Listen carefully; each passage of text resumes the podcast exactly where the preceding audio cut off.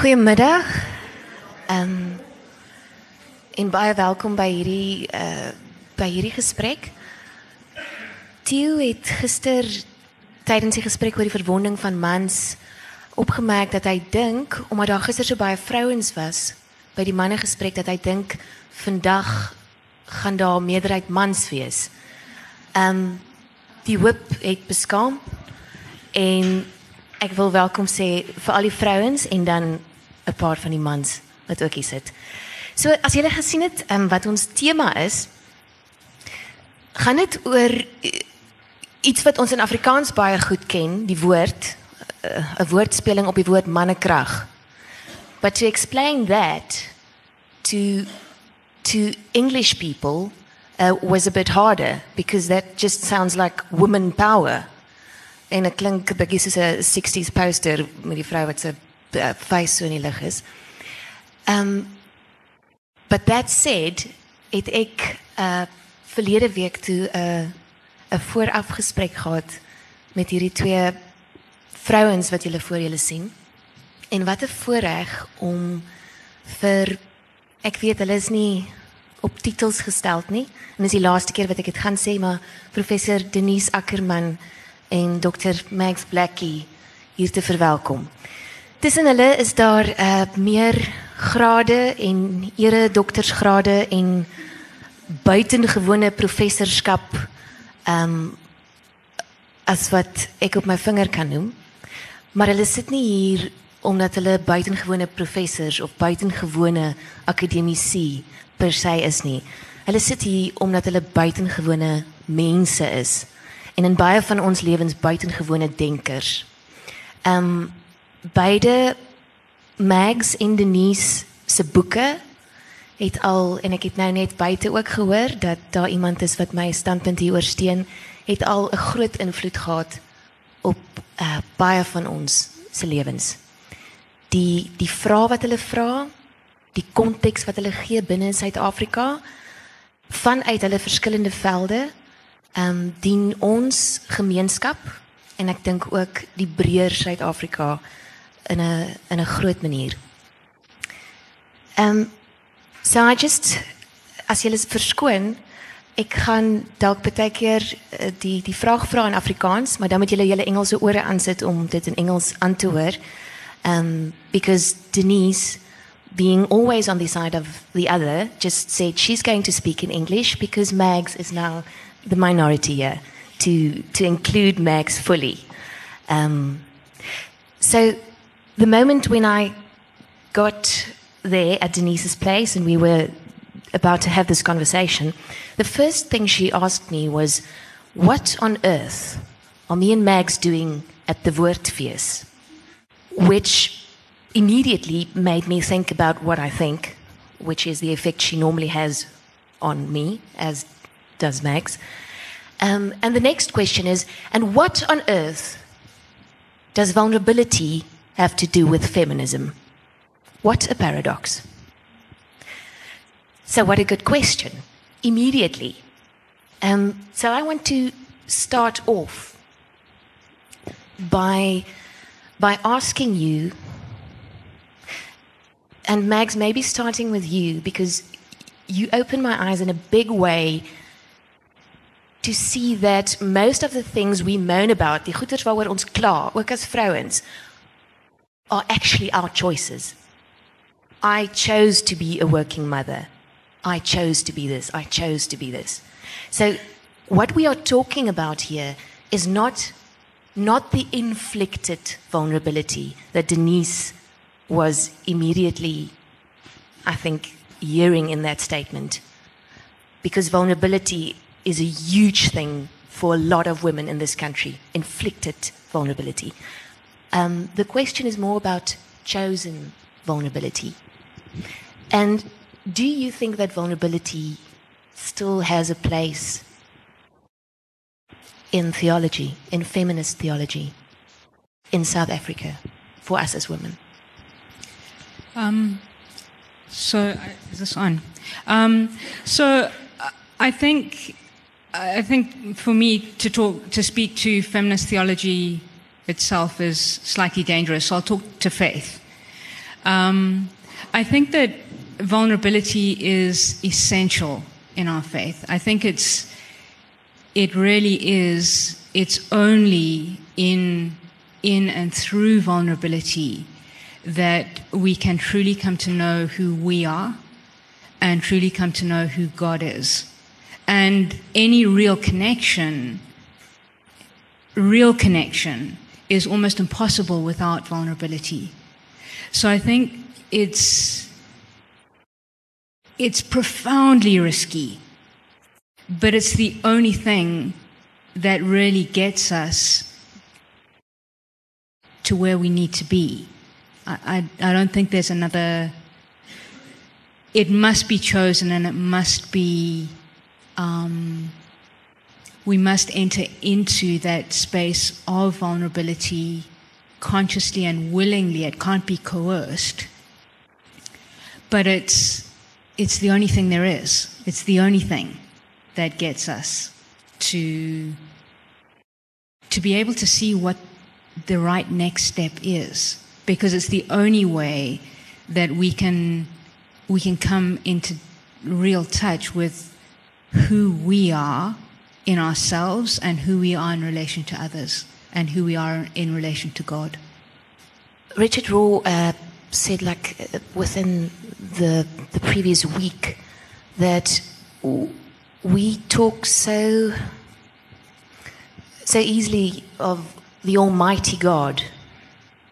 Um, but he thinks if, if we talk about the Trinity, and we're not going to talk about that now, the mystery of the Trinity, then we are actually supposed to say, to say absolute vulnerability between three. Um, Denise, how has the vulnerable God shaped your theology? Thank you. I guess before I get there, I just need to say that the reactions that you saw in me are still there because I believe, and my experience of many, many years has taught me, that in our society, culturally speaking, historically speaking, and in our religious institutions, there is definitely a role thrust on women, which I think is not in keeping with the teachings of, of my faith, certainly. And I think that role for women has been one, one of the things among it has been that you are the vulnerable ones. You need this, you need that. We'll look after you, cook the food, care for the kids, that sort of stuff. But I don't want to talk about that. Now,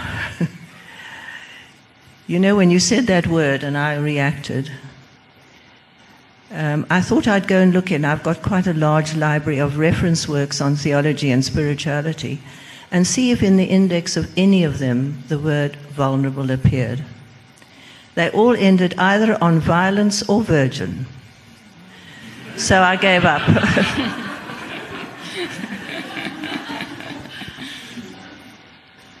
um, for me, vulnerability, in the sense that you wanting to steer me and ask me, has everything to do with relationship I know where I'm most vulnerable. I'm most vulnerable with my children. I'm most vulnerable in my family. The closer the relationships, the greater the vulnerability. So, how can it not be that in my relationship with my God, I'm not utterly vulnerable? And Mags and I share a common sort of tradition in terms of our spirituality. And I think it takes a long road to realize that in the eyes of God, in other words, standing before God, whatever that may mean, is being totally and utterly naked. No pretenses, none of that stuff that you were talking about when you introduced us. All of that is totally meaningless because if I cannot be totally vulnerable with God, I shall never ever know how to trust God even when the going is tough and things are not working out. I shall certainly not really understand something about the immensity of God's love. So I can't see it in any other way. But it's been a long journey to get there. And I agree with Mags. It does involve risk. It involves huge risk. But you know, I think I said that to you too. I'm living in a community of old people now, like me. And when they hear of my profession, they say to me, Oh, you believe in God? And I say, No, I don't believe in God. And then they look shocked. And then I say, I trust in God. So the vulnerability has taught me something about that trust, particularly, yeah, when the proverbial pawpaw hits the fan. Because that's what I need in order to help me to get, get through. Do you think um, when you arrived in, in Stellenbosch in 1951, was it, was it, is, is my date correct? Yep. Okay. With a jean on from Buenos Aires, is my country correct? Um, I've heard you were the first woman to wear a jean on this campus.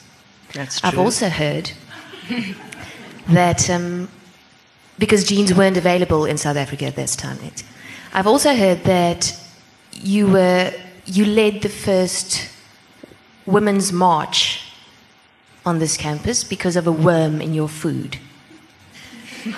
Um, and with that said, dan, dan was daar seker wurms in almal se kos, so sy het dit nie net gedoen vir haarself nie. Um what how because our question is about vulnerability and how does vulnerability aid activism? So do you think that also like from your your weerstand against what you saw in this country did it also come come from a vulnerable place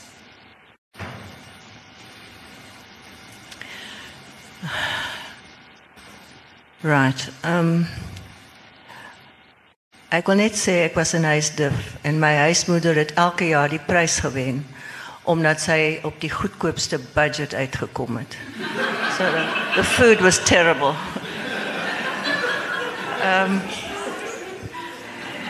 you know, I think it, it brought me face to face with my vulnerability because um, I do remember going to a meeting. I, when I left university, I actually worked for Rembrandt for a while. They had their offices down in Bird Street. And I went to a meeting at this building next door at the City Hall. And uh, I remember at that meeting, Sampita Blanche was there. And they were talking about removing the colored people from the voters' roll. It was in 1955 56. And I listened to all the arguments. I didn't understand much about it, but it just seemed to me to be wrong. And when it got to question time, I sort of stood up very huiverig and I said, That's unfair. And I was yelled down. And that night, I lived in House, and that night somebody threw a brick through my window. And that to me was the first intimation in my life, which I suppose in many respects had been quite protected, of vulnerability. If you are, if you rise above or if you are different to the, the ordinary norms. And so, yes, but I mean, when in the old bad days, when one went into a township, you were immediately vulnerable. I slept in a township and the house next door to me was bombed. So I knew fear. And I mean, that's also a kind of vulnerability. So I don't think being vulnerable put me off as much as it made me experience something of a reality that I had to learn about. It was a reality in my face. So um beide van hulle staan in 'n professie. Uh ek sê staan in 'n professie want eintlik is jy nog steeds in jou in jou professie. Ehm um, waar wat maar hoofsaaklik 'n manlik ge, gedomineer is. Max is in die ehm um, in die laboratorium uh medisinale chemie is haar is haar veld. Ehm um, sowel as wetenskaplike opvoeding. Denise was die eerste en ek weet dit maak nie saak nie. Ek wil dit net sê om 'n punt te te, bewys. Sy was die eerste vroulike professor in teologie in hierdie land. Ehm um, hoe het hoe hoe was dit aan die begin van julle loopbane? Ehm um, 82 41 baie goeie vriende. Hulle deel uh baie. Hoe was dit aan die begin van julle loopbane? En how was it at the beginning of your careers being in a in a uh, male dominated environment? Um and how how has things changed in South Africa at least? So the beginning of my career really wasn't that long ago. Um, but I think, I think for me, I it it never really occurred to me that I was entering a male-dominated field when I began. It just it was the thing I was interested in, so it was the thing I pursued. Um, and it never really impacted what I was doing as a grad student. Um, I got on and did my work, and my reactions worked. Like, I did my work. I got my PhD. What I've noticed, as time has gone on, I've noticed more and more the differences in gender.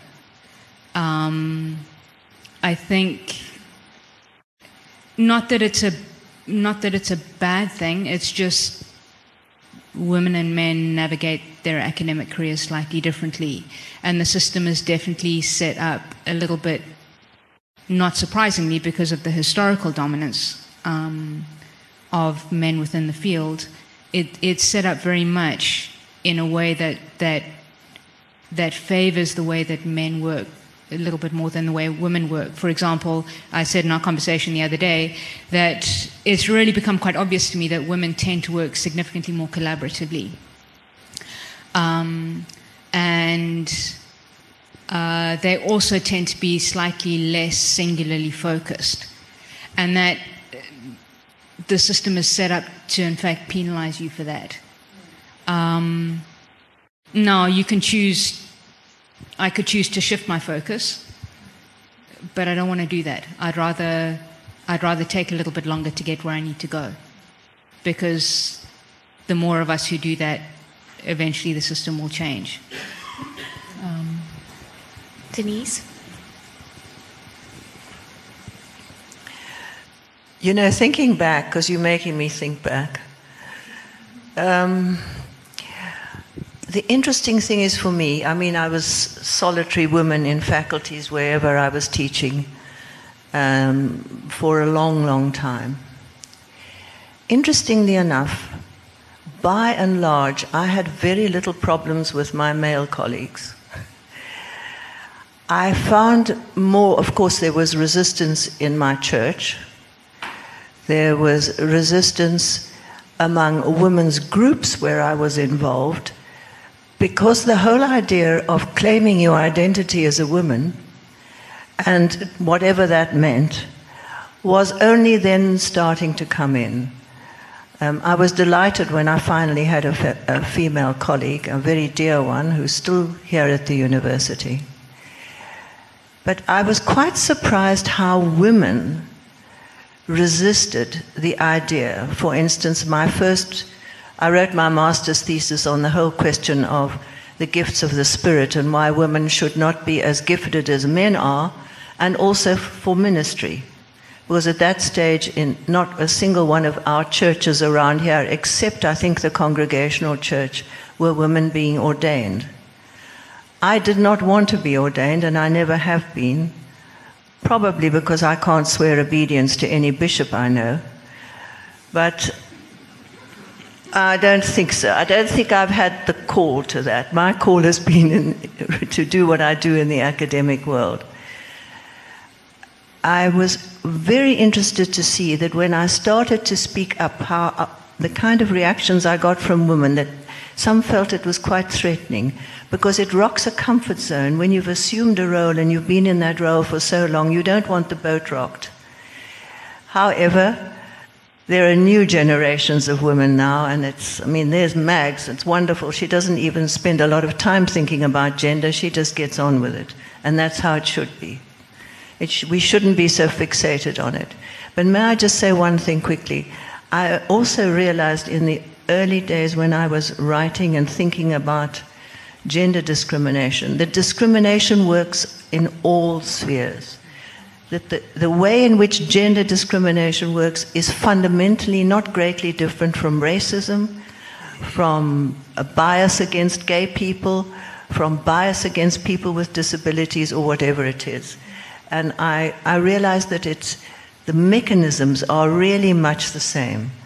And so it's something that we all have to resist because we can, surely we can all claim our humanity with the uniqueness that each one of us has. I um, d- during this week after I was at your place, I had a, a thought, and weirdly enough, after that conversation, I was thinking about my thoughts the whole time because I cannot just assume anything anymore from that day on. Um, I was thinking, ek het lanklaas 'n man ontmoet wat my in my broek laat bewe. And then I was at your place. And then I met two women who makes me actually bewe in my brook. But actually, but that statement, that thought, and I also, I'm, I'm like Mags, I'm, I don't think about this stuff anymore. I was never penalized in anything I did. But that thought also comes from something within our patriarchal system that has filtered through to us. Hoekom moet ek bewe in my broek vir 'n man? Hoekom is dit my gedagtes en nie vir 'n vrou nie? Like to be scared of male dominance or a male figure. Um it my laat dink dat dat daar nog baie daarvan selfs in ons is, even even even in our generation. Um although we don't have to think about it a lot anymore. I want to ask you um you talked about the the vulnerability motherhood creates. Um, not motherhood as a role, but to have children. Uh, I think it's Jacob Zuma that said the other day that I'm going to gooi wisdom now. Um, that said that women should get children to be able to learn to be mothers. Um, so we are over apartheid now and the power that, that, that, that came along with that. Now, to say something like that to you, Mags, not being a mother, what, what, what, what, does, that, what does that provoke? Ek weet ek kan nie vir Denise aan die gang kry oor oor oor Zuma nie, sy sal vir ons um, hier lank besig hou. Well, I think to, to some extent, I think there there is some truth in the fact that I I have sisters who have children. We talk a lot about what it is to have children, um, and I certainly know with my sisters that being the experience of motherhood has extracted something quite new from them. That that I, I'm not sure would they would have opened that part of themselves in any other way. So I think that's absolutely true. In that sense, um,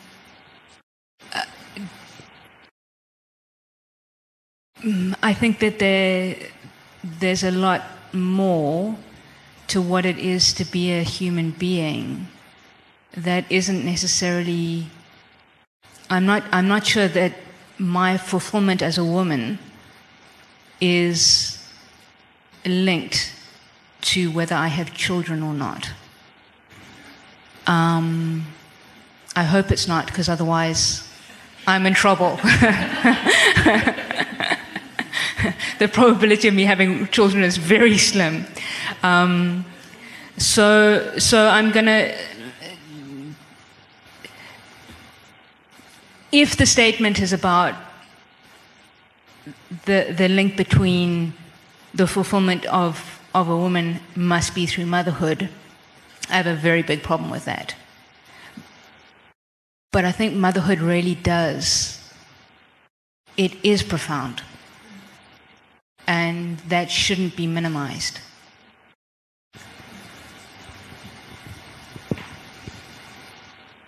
Do you want to say something about that?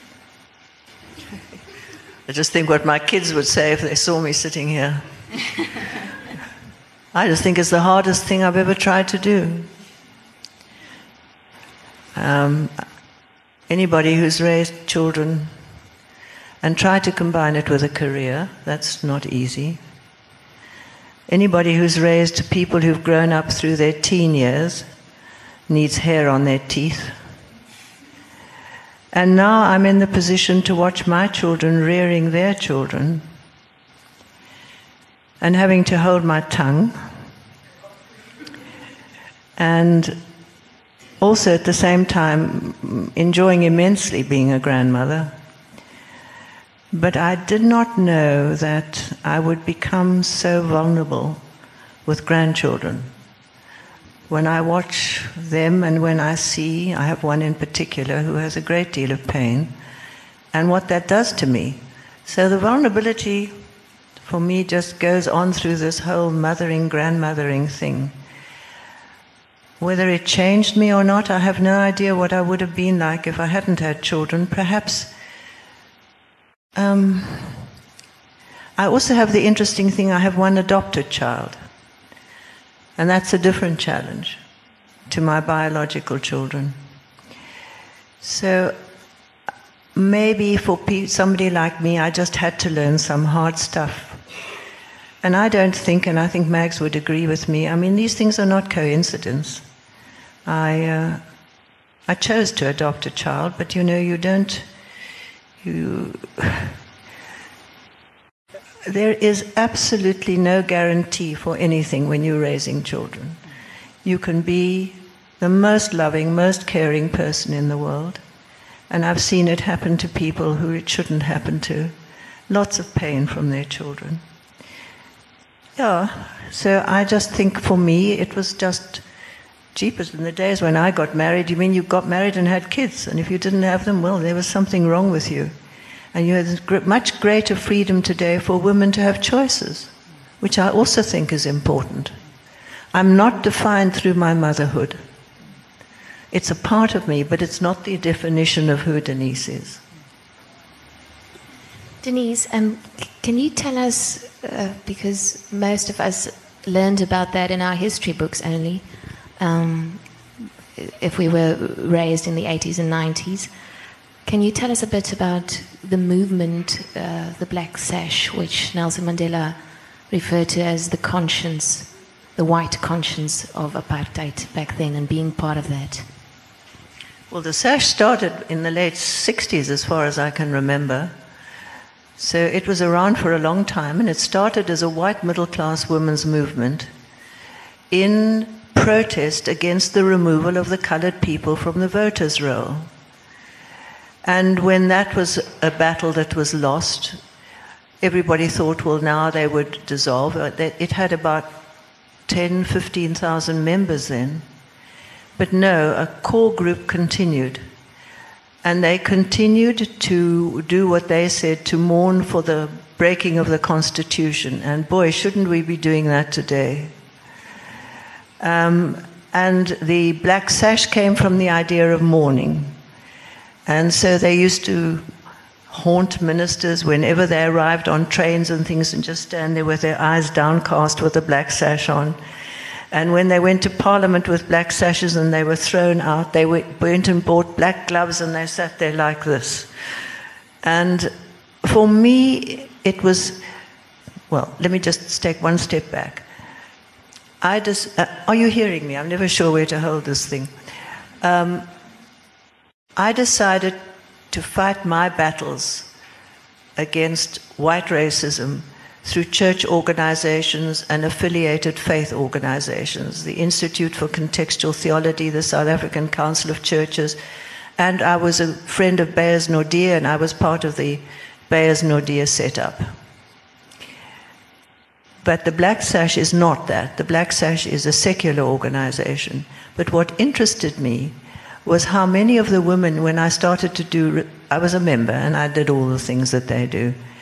But then when I, I wrote about them, I found out just how many of them were actually people who had faith, whether they were Jewish women or Christian women.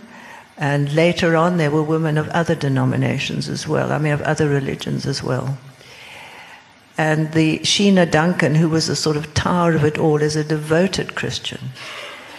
But they did not do it out of religious conviction. They had a deep sense of justice. And of course, in 94, the protest part of the Black Sash stopped. A lot of the funding from overseas stopped. But they still remained a core group of people, and they still the, uh, run the advice offices which give the poor help on getting their pensions. This whole SASSA debacle, they're involved in it. As you know, they're going to court on it. So it's still a justice driven organization. I want to uh, ask you, and maybe that will be the second last question for me. Um, I think it's Brene Brown who said that, that faith minus vulnerability will always become extremism. Um, that somehow, if we think we deal with, with certainty and all reason and rationality when it comes to God and to most of us, then re- regarding the Bible, um, then it will become fundamentalism or extremism obviously, we, we, we see that in current world affairs. I want to, um, to hear you, your view on that. But also, as not only as women, but as, as human beings from a point of not being certain, what are we to do in this country and in the, in the wider globe? It may be a very wide question, it may be a very narrow question. I, I don't know. I just want to hear you say something that makes me bearder in my broek again. So, so I'll leap in and Denise can correct me. Um, uh, I think, you know, I've, I've, I've actually been thinking about this question quite a lot. You know, what, what is my response to the politics of fear? Which is so dominant um, in so many places. And I think coincidentally with, with that, I've, I, for many, many years, considered myself quite a loner. I'm a profound introvert, very happy in my own company. Um, and I think really that, that shifting in me to recognize the importance of communities of faith. And I don't, I don't mean necessarily churches, although it may be, um, of small communities of people with whom we can try to live a life of discernment and to whom I am accountable. Um, what impact is that going to have? I have absolutely no idea, but it's all I've got. And I think I'm going to trust that. I, am going to trust that until something else, I, I'm going to keep asking and keep looking, but until something else emerges that seems to be a better idea, for me right now, this is my response.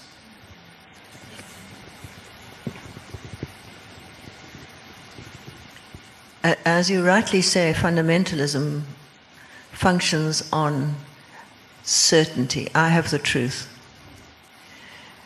Of course, we know that it can quickly flip over into intolerance. Uh, what characterizes fundamentalism is that it is firstly anti intellectual in many ways. It's unthinking. And I also think and whether it's in Islam or in Judaism or in Christianity, religious fundamentalism is an extraordinary dangerous tool in the hands of people who want to use power. And I think we're seeing it today. And I think it, well, I don't need to talk about it. You all, like me, watch the horrors on our television sets. For me, it is the inability to do two things. Firstly, to let go of certainty, to live with the questions, to know that we do not have answers to everything. I mean, it is just so almost at times beyond my ability to understand. When I listen to the way in which some people use scripture, for instance, to bolster their beliefs. Sê die skrif. This is what the Bible says, so that must be so. Or the, people, the way in which people use doctrine, or whatever it is, I'm talking about in religious communities. So, firstly, I think it is a lack of the ability to be vulnerable, because if you don't know, and if you say, I don't know, you are vulnerable. Secondly, how on earth can we assume that we know everything there is to know about God. God is the unknowable, knowable. We know a bit about God. We know what we know through our faith and through our relation, through, through our experience, through Jesus Christ, if we're Christians. But we can never, ever forget that God is still the unknowable being. So God is mystery. And if we can't embrace mystery, I don't know. Uh, then we land up, I think, in very dangerous places. Then, then, then we all, we all we have to drive the engine is I know, and that ultimately is making God in our image. I can't tell you how many man made gods I've met in my life. and I'm tired of it.